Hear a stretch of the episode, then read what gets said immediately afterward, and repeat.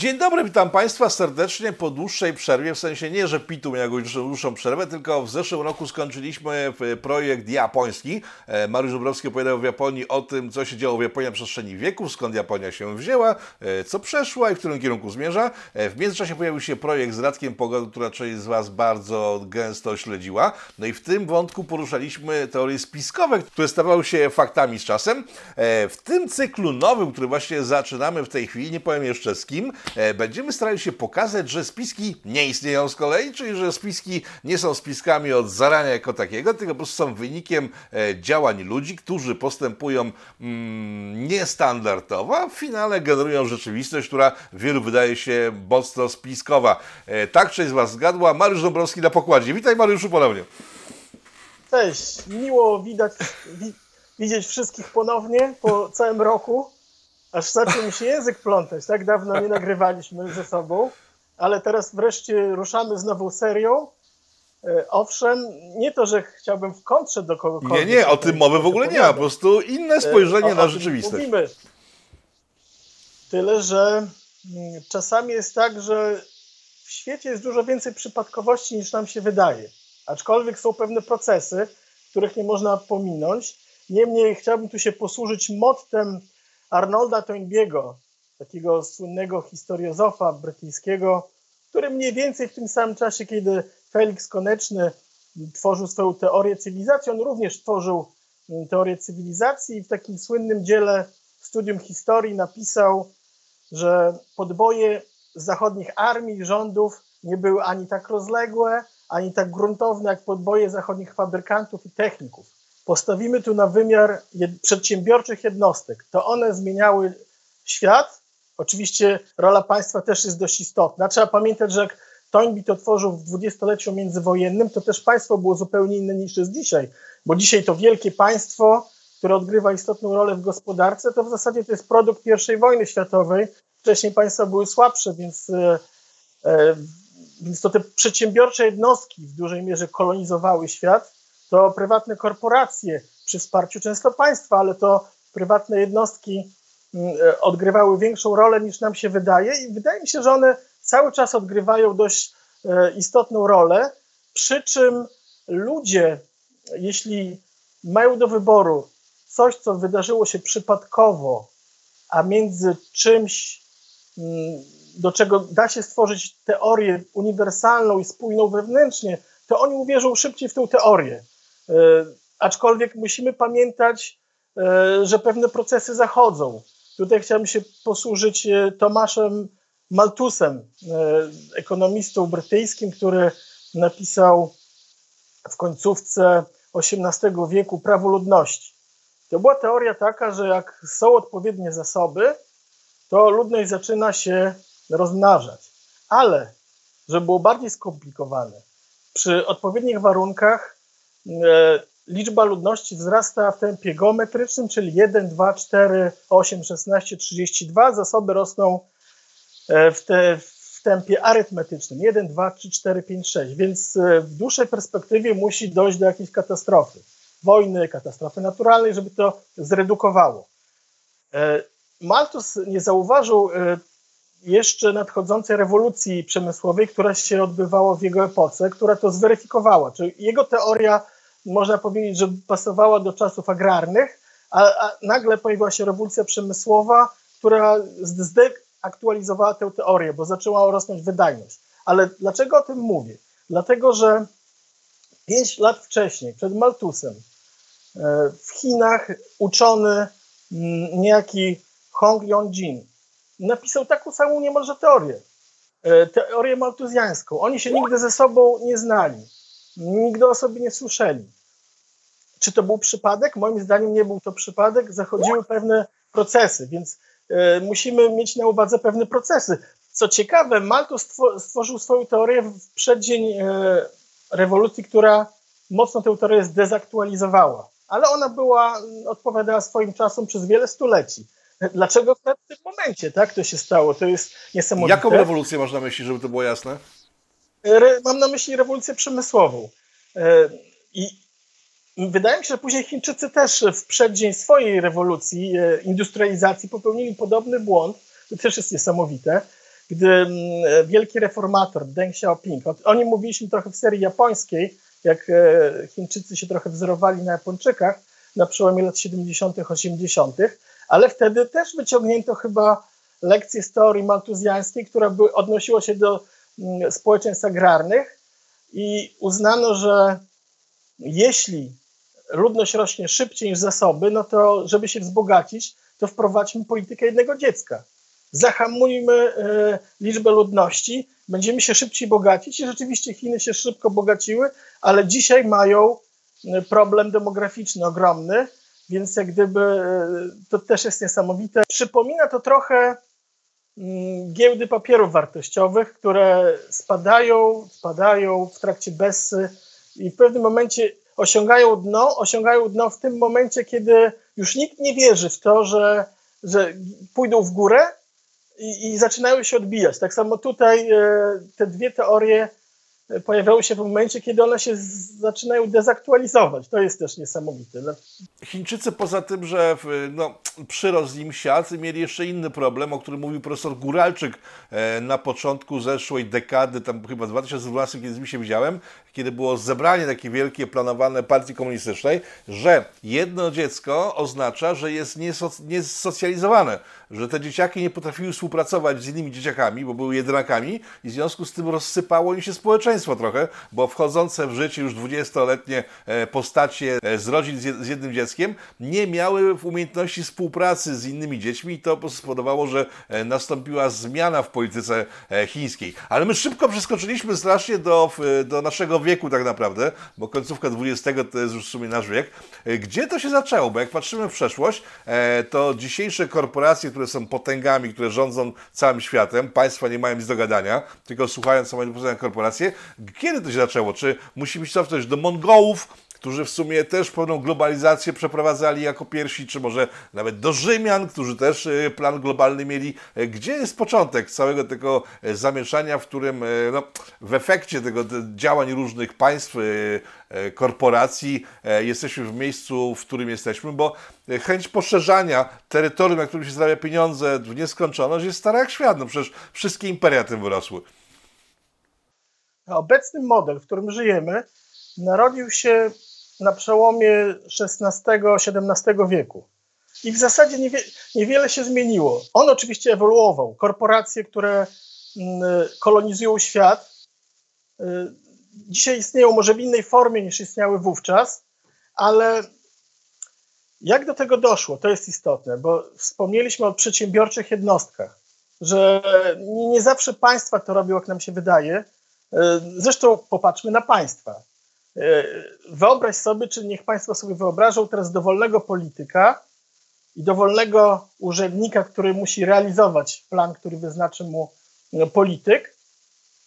I, i, i czy te osoby byłyby w stanie podbijać świat, które sobie wyobraziłeś? Czy, czy niekoniecznie? Wyobraź sobie. Ale nie, to zawsze kończy się klęską, bo jak państwo coś wymyśla, no to po prostu nie bierze pod uwagę natury no, no rzeczy, no, no natury właśnie... ludzi, e, stąd duże systemy no po prostu się rozpadają, a państwo jako takie e, są dość takie, no Porównajmy sobie inną rzecz, tak? Państwo rosyjskie, które teraz ma ekspansję na Ukrainę i to trochę nie wychodzi, i weźmy kampanie wschodnioindyjskie, które nie pytały państwa o zdanie, tylko paru prywatnych typów spotkało się w jakimś pubie, e, portowym najczęściej, bo to byli Holendrzy, Anglicy i stwierdzali, ej, co możemy zrobić, żeby być bogatsi, tak?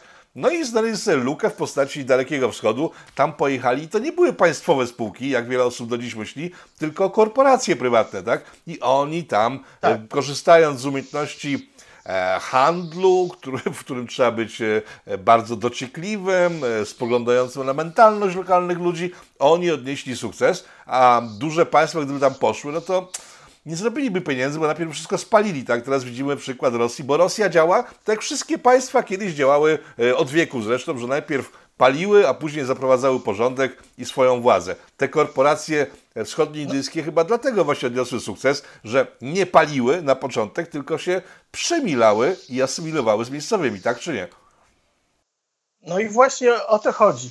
Jeśli już mówimy o tych politykach, to politycy yy, potrafią się podczepić pod sukces E, prywatnych przedsiębiorców. I o tym będziemy jeszcze mówić.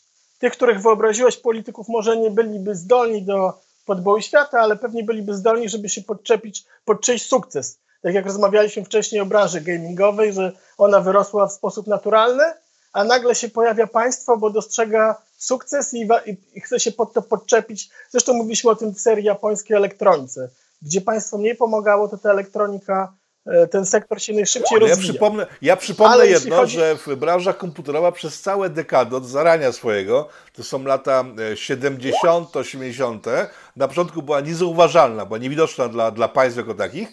E, później zaczęły się dwie dekady hejtu mówiącego, że gry to jest coś strasznego, niszczy psychika i tak dalej, a kiedyś okazało na początku XXI wieku, to Rockstar i jego GTA pokazało, że gry mają większe budżety niż filmy i mają większe zyski. Nagle państwa zainteresowały się gamingiem. No i tak jest w przypadku wielu innych branż, które wyrastają znikąd. E, branża samochodowa w Japonii po wojnie na przykład. To jest chyba dobry przykład też. Tak, tak. I o tym będziemy właśnie mówić w całej naszej serii. Że za tymi sukcesami stoją na początku jednostki, o których e, często nawet nie słyszeliśmy. E, I, i mówiłeś o państwach, który, którym się nie udaje. To jeszcze ja bym tutaj dodał, zanim już przejdę do tego wątku Holendrów, Anglików, że przed nimi przecież byli Portugalczycy i Hiszpanie. I to oni prowadzili w dużej mierze przedsięwzięcia państwowe. I gdzie oni są dzisiaj? Dzisiaj mamy model stworzony przez Holendrów i Anglików, który przetrwał do XXI wieku. Może trochę w zmienionej formie, ale jednak tam e, wszystko się zaczęło. I jak to się wszystko zaczyna, tak? Jak zgłębić e, źródła wielkich procesów. I czasami one się zaczynają w, w miejscach niepozornych, tak jakbyśmy gdzieś sobie usiedli w knajpce z kilkoma osobami i zaczynamy rozmawiać e, o wielkich rzeczach. I tak się działo w Amsterdamie na przełomie lat 80. i 90. I warto dodać, że w latach 70. i 80. Mm, przez Hiszpanów została zupiona Antwerpia.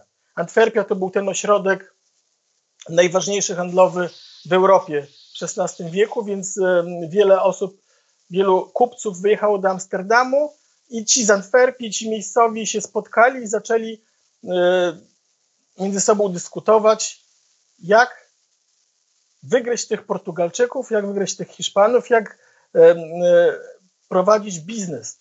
E, oni mieli świadomość, że są w pewnym sensie lepsi nawet, bo, bo to oni stworzyli rynek. To statki, nawet nie portugalskie, bo co ciekawe, portugalskie statki, które woziły korzenie do Lizbony, później te korzenie często trafiały mm, już na statkach holenderskich do, mm, do Niderlandów i tam był rynek. E, tam sprzedawano przyprawy, e, tam docierało z kopalń z Europy Środkowej srebro, docierała miedź, czyli tutaj już mamy wątek KGHM-u, widzę, wczesnego, sprzed 500 lat. Więc e, ci Holendrzy potrafili stworzyć e, rynek, mieli instytucjonalnie też, e, o tym będziemy mówić w specjalnym odcinku o narodzinach korporacji, e, ale instytucjonalnie byli lepiej na pewno przygotowani niż państwa z Ubysku Iberyjskiego i się zastanawiali, Dlaczego my nie możemy zrobić tego lepiej niż oni to zrobili? A przy tym trzeba pamiętać, że nie mieli się... szans w starciu bezpośrednim z Hiszpanami i Portugalczykami w Ameryce, w, w Amerykach jak, jak, jako takich. Musieli sobie znaleźć y, własny rynek, na którym mogliby działać. Oni byli już dość mocni, jeśli chodzi o handel w Europie, ale jeszcze nie wyszli na świat. Wiedzieli, że mają potencjał, wiedzieli, że może są lepsi od nich y, tylko trzeba wykonać pierwszy krok. Trzeba odbyć wyprawę, odkryć te miejsca, więc y, grupa ludzi spotyka się. Wśród nich jest niejaki Dirk von Oss, o którym pewnie nikt nigdy nie słyszał. To jeden z kupców z Antwerpii, który, który się przeniósł później do Amsterdamu i był jednym z tych właśnie z tych postaci, która się spotykała i dyskutowała, jak tutaj ominąć tych Portugalczyków. Więc ustalili, że, że wyślą do Lizbony niejakiego Cornelisa de Hutmana, szpiega, który zdobędzie informacje. Niezależnie od tego pozyskiwali mapy, dyskutowali, jak e, zorganizować wyprawy. I w, jeszcze trzeba dodać do tego, że mniej więcej w tym czasie mm, Portugalia zostaje wchłonięta przez koronę hiszpańską i porty portugalskie są zamknięte dla statków e, holenderskich, więc problem pojawia się jeszcze większy, że teraz już trzeba naprawdę wyjść e, na świat, zaryzykować. i zdobywają mapy, zdobywają informacje, wraca ten ich szpieg i ten, zakładają firmę, kompanię dla krajów odległych, która jeszcze jest prekursorką tej słynnej e, Zjednoczonej Kompanii Wschodnioindyjskiej, ale już w 1595 mm, wysyłają pierwszy statek e, do Indii Wschodnich, mają precyzyjne plany, docierają tam, kupują korzenie, wracają. Sama wyprawa może nie udaje się najlepiej. E, dużo ludzi umiera na szkorbut, ale ale przecierają szlak. Są już w grze. Później e, pojawia się dużo firm, które wysyłają mnóstwo statków e, w tamte rejony i politycy holenderscy, Stany Generalne, czy taki parlament lokalny ich wówczas, zauważa taki, taką sytuację. No jest dużo firm, które płyną do Indii Wschodnich i konkurują między sobą, żeby kupić te korzenie. W wyniku czego kupują je dość drogo, bo tubylcy mogą z nimi negocjować. Później wracają do Europy i znowu konkurują o konsumentów, więc sprzedają je w miarę tanio. Oczywiście mają wysokie marże, ale mogliby mieć te marże znacznie większe. Więc państwo podejmuje pierwszą próbę, żeby to zjednoczyć. Pierwsza próba się nie udaje, no ale y, po pewnym czasie, w roku 1602, powstaje mm, korporacja prywatna, gdzieś tam, nazwijmy to może trochę partnerstwem publiczno-prywatnym, ale jednak z akcentem na prywatne. I powstaje pierwsza nowoczesna korporacja ze wspaniałym logo, logotyp y, Zjednoczonej Kompanii Wschodnioindyjskiej, holenderskiej, no mógłby być wzorem nawet do dzisiaj, warto to pokazać. Y, emitowane są akcje, tworzy się giełda papierów wartościowych, więc tworzy się ten świat i to w bardzo krótkim czasie, Jaki to okres mniej więcej? Ile lat zajęło im stworzenie w, te, te, te podwalin pod, pod przyszły sukces? Licząc to, że oni się spotkali po raz pierwszy w knajpie, to gdzieś był przełom lat 80., 90. XVI wieku. Pięć lat przed końcem stulecia e, docierają do Indii Wschodnich. Mm, korporacje zakładają w 1602, już taką monopolistyczną, mimo że Holandia jest krajem wolnorynkowym wtedy. E, ale, ale też jest ciekawa rzecz, bo w Europie e, Holendrzy popierają wolny rynek, a poza Europą już niekoniecznie. I, e, ale w Europie Holendrzy, holenderskie statki miały tak wielką przewagę nad innymi państwami świata, że oni uznali, że liberalizm będzie najlepszym systemem dla nich, bo no, mają ogromne przewagi, więc stworzyli teorię wolnych mórz, żeby mogli zawijać wszędzie, E, opanowali e, w XVII wieku to na Bałtyku chyba z 80% przewozów morskich to byli Holendrzy. Natomiast tam zauważyli, że, że tam wolny rynek niekoniecznie działa tak jak chcą, więc tam e, tworzymy monopol i, i w zasadzie to się tworzy przez w ciągu jednego pokolenia to się tworzy. Ta cała machina powstaje w ciągu jednego pokolenia. To, co mówisz, to się przypomina Adama Smitha, czyli w, boga liberałów, e, który owszem mówi, że wolny rynek jest bardzo dobry, ale we własnym kraju, a naokoło wszędzie, jak tylko gdzieś wyjeżdżamy, to tam trzeba monopole wprowadzać i e, rzezać lokalesów ze wszystkiego, co mają dobre. I dopiero na miejscu, w kraju naszym rodzinnym, e, wolny rynek pozwala budować silne państwo, a tamtych trzeba po prostu jak najbardziej ograniczać, żeby sobie za daleko, za daleko nie poszli. Ten człowiek, o którym wspomniałeś, wspomniałeś o Dirku Vanosie, jest tak mało znany, że jedyną notkę w, Wikipedii, jaką znajdziemy, to jest króciutka notka jedynie w języku holenderskim. Tak a propos tego, co wspominałeś. A to jest człowiek, który podłożył podwaliny pod y, potęgi y, europejskie. Tak. Tam tych osób było kilka, tak, ale to jeden na pewno z liderów. Więc tacy oso ta, takie osobniki, tacy ludzie tworzyli nowoczesny świat. Czyli w ciągu jednego pokolenia, w wyniku różnych tam połączeń, fuzji, stworzyli wielką korporację, stworzyli giełdę papierów wartościowych e, i stworzyli mechanizm, który działa do dzisiaj. Tak no dobrze, ale co oni zabrali ale... Portugalczykom? Mówi, że ten szpiegu, że pojechał, podpatrzył. Co on tam właściwie podpatrzył? Bo tak, e, know-how, jeżeli o handel mieli, e, know-how, jeżeli chodzi o jakość żeglugi mieli. Co oni od Portugalczyków potrzebowali podebrać po cichu za pomocą szpiega? No musieli znać trasy, tego nie wiedzieli. No nie było jeszcze GPS-ów, y, nie, nie, nie Portugalczycy znali trasy, których strzegli, e, pilnowali map, y, za to groziła kara śmierci, żeby jeśli ktoś próbowałby wykraść. I, i, I właśnie tego nie wiedzieli. Wszystko mieli, tylko potrzebowali tego jednego elementu. A później, jak już im się to udało, to krok po kroku mm, najpierw handlowali, później kolonizowali, a później już tworzyli imperium, czyli jak gdyby już wcielali nawet elementy e, do swojego imperium. Rozumiem, że to się nie było bez żadnych kłopotów, bo jeżeli się pojawili na miejscu, mówimy o Azji, to różnice kulturowe musiały w jakiś sposób ze sobą no, zazgrzytać, czy też nie, czy weszli jak w masło w tamten rejon? Nie, nie, to nie, nie, nie było właśnie proste. Oni myśleli, że wejdą jak w masło, a tu się okazało, że z tubalcami nie zawsze im się dobrze układało. Choć niewiele y, wiemy, jak to działo się na początku, chociażby ciężko było się dogadać. Poza tym Portugalczycy robili wszystko, żeby jednak y, tubylcy byli negatywnie do nich nastawieni, bo widzieli y, wielkiego konkurenta, który się pojawił. Ale ja bym jeszcze tutaj dodał wątek Anglików, dlatego że Anglicy w podobnym czasie zaczynali jak Holendrzy i tam stworzyli model całkowicie prywatnej korporacji. Tutaj mamy gdzieś pod auspicjami państwa, tam też państwo dało monopol, ale nic więcej. W specjalnym odcinku będziemy mówić o e, kompanii moskiewskiej, lewantyńskiej, które powstawały mniej więcej od połowy XVI wieku, ale ta najsłynniejsza, angielska, wschodnioindyjska, powstała nawet dwa lata wcześniej niż holenderska, choć ona nie była tak nowoczesna. Nie stworzono pod nią giełdy papierów wartościowych.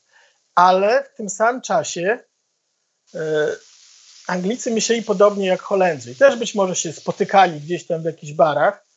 Mm, nie wiem, czy puby już istniały angielskie, więc spotykali się, rozmawiali. I kiedy spotkali się na pierwszym spotkaniu założycielskim w 1599 roku, no to tam była cała masa różnych ludzi. Nie, nie tylko wyższe sfery, ale byli różni korsarze, kupcy, mieszczanie, cała mieszanka.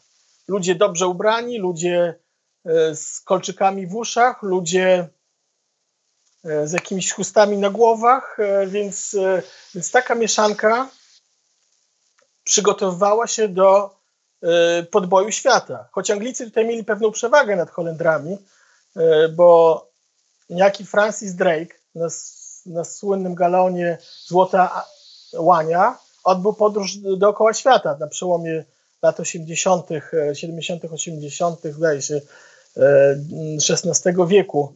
Płynął w tym kierunku co Magellan, czyli e, w kierunku zachodnim i dotarł na Wyspy Korzenne. I wrócił e, do Anglii i Anglicy później próbowali płynąć e, w tym kierunku co Portugalczycy, czyli na wschód, ale mieli problem, bo nie mogli znaleźć drogi. Kilkanaście lat im to zajęło. Zresztą Portugalczykom zajęło to kilkadziesiąt lat, co pokazuje, że to nie, było, nie był to łatwy proces. To właśnie tego, o czym mówiliśmy, brakowało Holendrom. Wykradzenie tych map, planów e, były niesamowicie wiele warte. Kilkanaście albo kilkadziesiąt lat pracy nawet. Ile to musiało być pieniędzy, więc więc, ale wracając do Anglików, oni stworzyli korporację nie tak nowoczesną jeszcze, choć ona przerośnie tą holenderską. Niejaki James Lancaster poprowadził pierwszą wyprawę i tu się pojawia ciekawa historia. E, spotkania korsarzy angielskich i, i piratów japońskich. To jedno z takich pierwszych e, słynnych spotkań. Myślę, że to. No, słynnych, słynnych jak słynnych, historia. bo mało kto pewnie o tym słyszał, jak to pierwszy raz dwie kultury spotkały się ze sobą na pełnym morzu e, tak. i co z tego wyniknęło. Ja bym bardzo prosił o tę historię, bo ona jest Arcyciekawa z wielu względów pokazuje, dlaczego ekspansja brytyjska no, przez pewien czas zwolniła trochę, a z drugiej strony pokazuje mentalność Dalekiego Wschodu i Europy i to e, tej Europy znanej, bo to Anglicy są znani z tego, że są po prostu bandziorami, tak? E, I oni jadą tam, spotykają się dwie nacje, które no, żyją z tego, że są niemiłe dla otoczenia i co, jak to się zakończyło, myślę, jest bardzo ciekawą historią. Także poproszę o skrót tych wydarzeń. To był rok 1605. Kompania wschodnioindyjska powstała w roku 1600 i pierwszym kapitanem statku chciał być niejaki Edward Mickelborn. Ale kupcy powiedzieli, że to jest gentleman, e, wyższe sfery. Oni takiego nie potrzebują. Wysłali tego Lancastera. I ten Mickelborn się obraził. poszedł do króla, króla Jakuba I i załatwił sobie licencję, e, żeby pływać sobie na Daleki Wschód. Bo te kompanie, ich cechą było to, że one miały monopol na dane kierunki geograficzne. Więc on niezależnie od kompanii wschodnioindyjskiej stworzył własne przedsięwzięcie. Udało mu się ściągnąć też dobrych ludzi, e, między innymi e, Johna Davisa, który był, e, uczestniczył w pierwszej wyprawie kompanii wschodnioindyjskiej na Daleki Wschód. To jest odkrywca Falklandów. O tych ludziach może niewiele wiemy dzisiaj, ale to, to były wielkie postaci, tak? odkrywały wielkie rzeczy. I oni, w przeciwieństwie do kompanii wschodnioindyjskiej, która się zajmowała handlem, zajmowali się też łupieniem innych statków. Piraci czy, piraci korsarze, czy korsarze? Tak można powiedzieć, bo no, oni byli korsarzami. No, różnica między jednymi a drugimi jest taka, że, no, że piraci są ścigani przez wszystkich, bo to są ci źli, natomiast korsarze mają patent danego państwa i, i, i przez wszystkich innych są uważani tak samo jak piraci, ale korsarze mają przynajmniej dokąd wrócić, piraci muszą, nie mają za bardzo dokąd wrócić. To jest ta różnica. No i w okolicach Singapuru Nickelborn płynie ze swoją ekipą i widzą, płynie azjatycka dżonka, wypchana, no nie widzieli pewnie z daleka, ale też mnóstwo skarbów. Już e, kończyła swoją łupiecką wyprawę. E, płynęli na nie Wako, czyli piraci japońscy. No jedni drudzy się zainteresowali sobą. To jest ciekawa historia o tyle też, że jeśli spojrzymy później na historię świata, na historię gospodarczą świata, to z obu wyspiarskich krajów, z Wysp Brytyjskich i z Wysp Japońskich, oba te wyspiarskie kraje były dwiema największymi potęgami y, dwiema największymi wyspiarskimi potęgami gospodarczymi w dziejach. Więc e, spotykają się ci, którzy być może tworzyli potęgę. I jak tutaj podejść? Jedni chcieli drugich złupić. Więc Anglicy wysłali łódź jako pierwsi do Japończyków. Ta łódź podpłynęła, Japończycy ich zaprosili na pokład, pokazali co, jak wygląda, byli bardzo mili. Anglicy w ogóle byli zaskoczeni, e, że, że ci Japończycy, choć pokazali od razu czym się zajmują, czy oni wiedzieli z kim mają do czynienia, choć do końca niewiele wiedzieli o Japończykach, o ile w Azji wszyscy wiedzieli, że łako to, to trzeba się trzymać od nich z daleka, a tam nie tylko byli sami Japończycy, tam byli też Chińczycy, duży procent Chińczyków, to tak jak z Jakuzą dzisiaj. E, jeśli spojrzymy na, na ludzi, którzy tworzą te grupy przestępcze, to odsetek obcokrajowców jest dużo większy niż w samym jednorodnym dość społeczeństwie japońskim. Więc tam samo Ciłako, tam też było dużo, tak jak w Jakuzie jest dużo Koreańczyków na przykład, to tam e, wśród tych piratów było dużo Chińczyków. Pewnie jacyś Koreańczycy też byli, więc e, takie trochę azjatyckie multikulti pokazali się, czym zajmują. No, Anglicy powrócili na, na swój statek, zastanowili się, wysłali kolejną łódź, już większą, żeby zrobić większy rekonesans. Jednocześnie, nie wiem jak ze sobą rozmawiali, ale widocznie ludzie morza potrafią się jakoś dogadać między sobą. E, Japończycy zasugerowali rewizytę na statku angielskim. Więc już Anglicy po drugiej wizycie, mimo że to byli piraci, korsarze, no to im nie wypadało, żeby nie zaprosić tych Japończyków.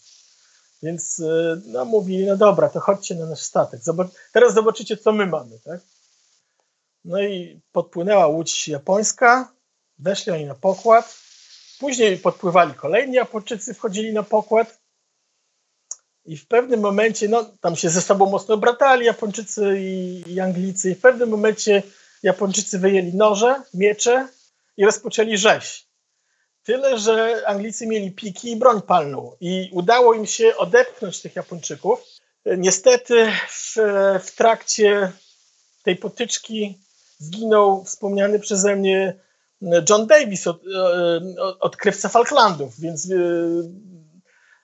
więc straty były duże. Później, znaczy, jeśli chodzi, tam straty były większe niż tylko jeden John Davis, ale, ale zginęła taka wielka postać, tak? jak, jak marnie skończyła. Straty były takie, że zginął mózg całej wyprawy, więc musiały być jakieś konsekwencje tego.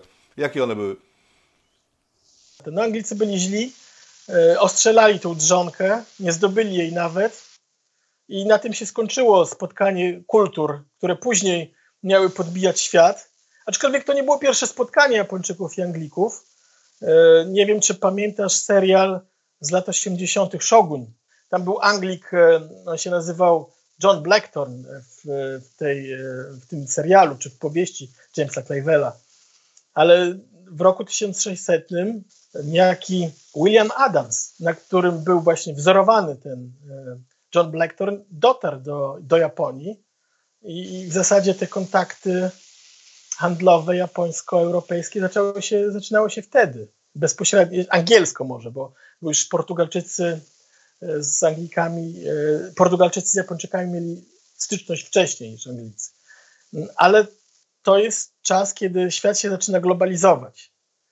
Ale nie tworzą tego wielkie państwa, tylko tworzą tacy awanturnicy. E, tak się rodzi świat.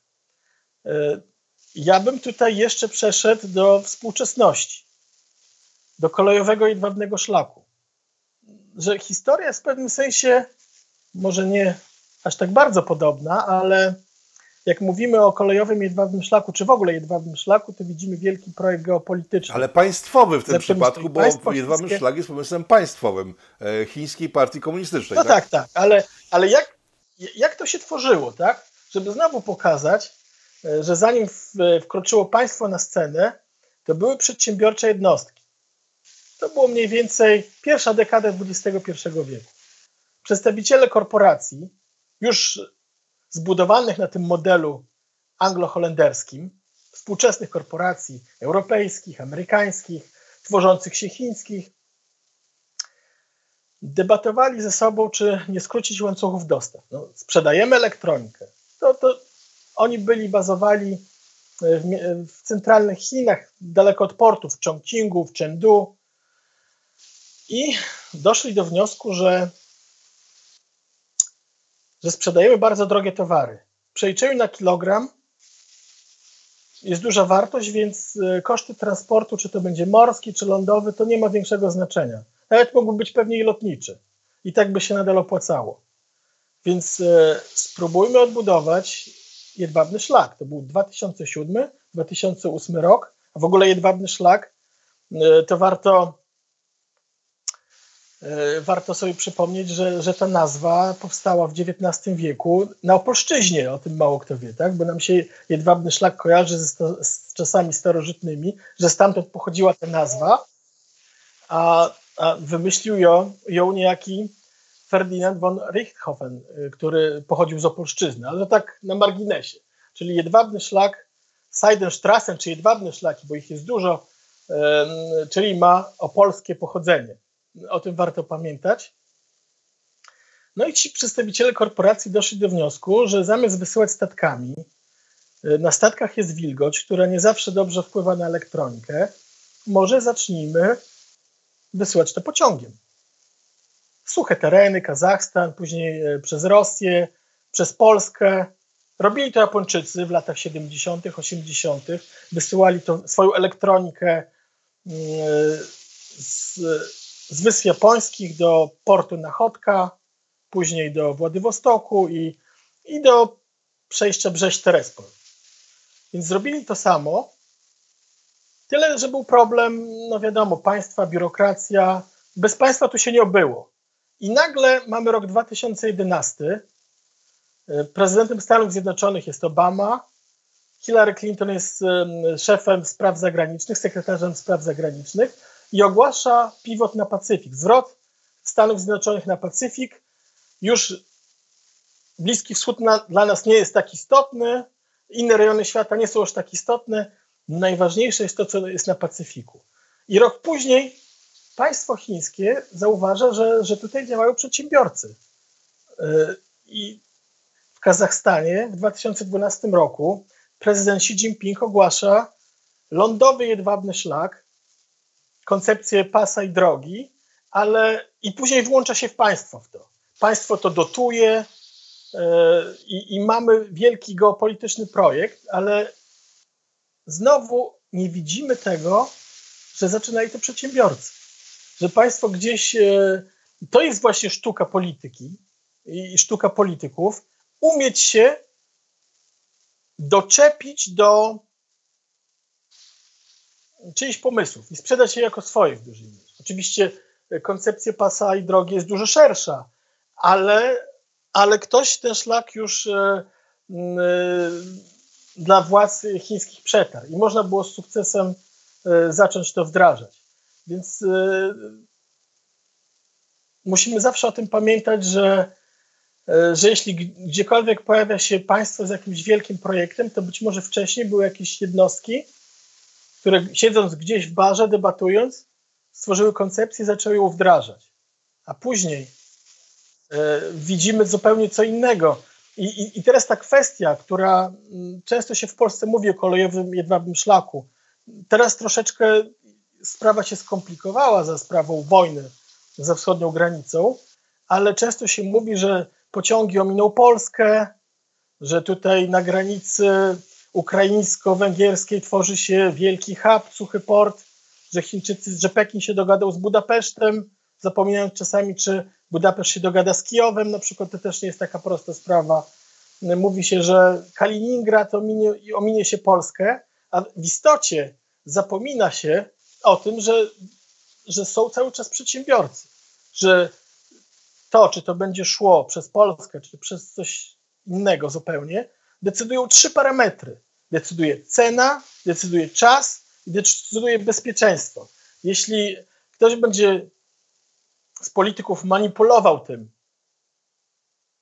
i okaże się, że taniej jest wysłać towary statkiem i lepiej, no to nic z tego nie wyjdzie. Przedsiębiorcy przeniosą się na statki, więc zanim zaczniemy e, cokolwiek oceniać, musimy to sprowadzić do takich sytuacji wręcz mikro, żeby się, żeby te wielkie idee nie zdominowały naszego myślenia, że czasami trzeba zejść do poziomu tych przedsiębiorczych znaczy, To, o czym mówisz, jest standardem w wykonaniu wszystkich, tak? Bo w, mówisz o państwach, które obserwują korporacje, e, korporacjach, które obserwują przedsiębiorców mniejszych, a ci mniejsi przedsiębiorcy obserwują rynek po prostu. I tak zawsze, zawsze, zawsze ta piramida wyglądała. E, przypomnę jak taki przy, przykład. E, lata 70. w Anglii wybucha e, rewolucja punk rockowa, tak? Oddolna kompletnie gdzieś, jakieś dziedziny społeczne robią punk Zresztą to ze wszystkimi subkulturami e, wstecz tak samo wygląda. I kiedy to się zaczyna rozrastać, pojawiają się drobni przedsiębiorcy zarabiający na tym, później korporacje, które zaczynają wydawać płyty, robić koszulki itd., tak itd., tak e, pompują, pompują pieniądze w modę na dany styl i nagle coś, co nikt się nie spodziewał, co się może powstać albo wybuchnąć jakoś tak grubo, e, nagle staje się mainstreamem i wtedy wchodzi państwo i zaczyna e, regulować. E, ja się całkowicie z Tobą zgadzam, tylko e, trzeba podać też e, inny przykład, tak? No ale my mówimy, że prywatny biznes coś zaczyna, później państwo się podczepia. Ale są też sytuacje, że państwo prowadzi biznes. I to też musimy e, wyjaśnić. Przypomnę historię z 2016 roku. Wówczas e, uczestniczyłem w takiej konferencji międzynarodowej Doha Forum w Katarze i chodziłem po różnych panelach dotyczących przyszłości świata, dotyczących energetyki. Był taki panel, na którym dyskutowano właśnie o przyszłości ropy i gazu. Na, tej, e, na tym panelu, chyba na wcześniejszym, poznałem dziennikarza z Arabii Saudyjskiej, Hashugji się nazywał, który został zamordowany później e, w konsulacie saudyjskim w Turcji. To była taka głośna sprawa. To był dziennikarz, który przeprowadzał wywiady z Osamą Bin Ladenem w Tora Bora i on na tym, pamiętam, panelu zadał takie pytanie, kiedy skończy się era gazu i ropy? I na to pytanie odpowiadał mu Abdullah Halatia, były wicepremier Kataru, który w zasadzie stworzył ten sektor gazowy w dużej mierze, że nieważne kiedy to się skończy, ale ważne w którym momencie my wówczas będziemy. No i narzekano wtedy, że OPEC nie działa, że Amerykanie są więcej ropy w stanie wyprodukować niż Arabia Saudyjska i tam podawano przykłady, że od upadku Lehman Brothers do, do, do momentu konferencji Arabia Saudyjska zwiększyła produkcję o 10%, a Amerykanie podwoili produkcję ropy naftowej. I gdy się kończył panel, jedna z osób, która siedziała koło mnie, z Bahrajnu, e, bardzo wpływowa postać, mówi do mnie, chodź zapoznam cię z tym Abdullahem Malatiją. Zaprowadził mnie do niego i mówi, że tutaj mój znajomy z Polski jest. Abdullah Halatija mówi do mnie wtedy e, dzień dobry, po angielsku oczywiście rozmawialiśmy. E, witam naszego nowego klienta. To był moment, kiedy płynął pierwszy gazowiec e, z Kataru do Świnoujścia i mówi do mnie, powiem panu pewną historię.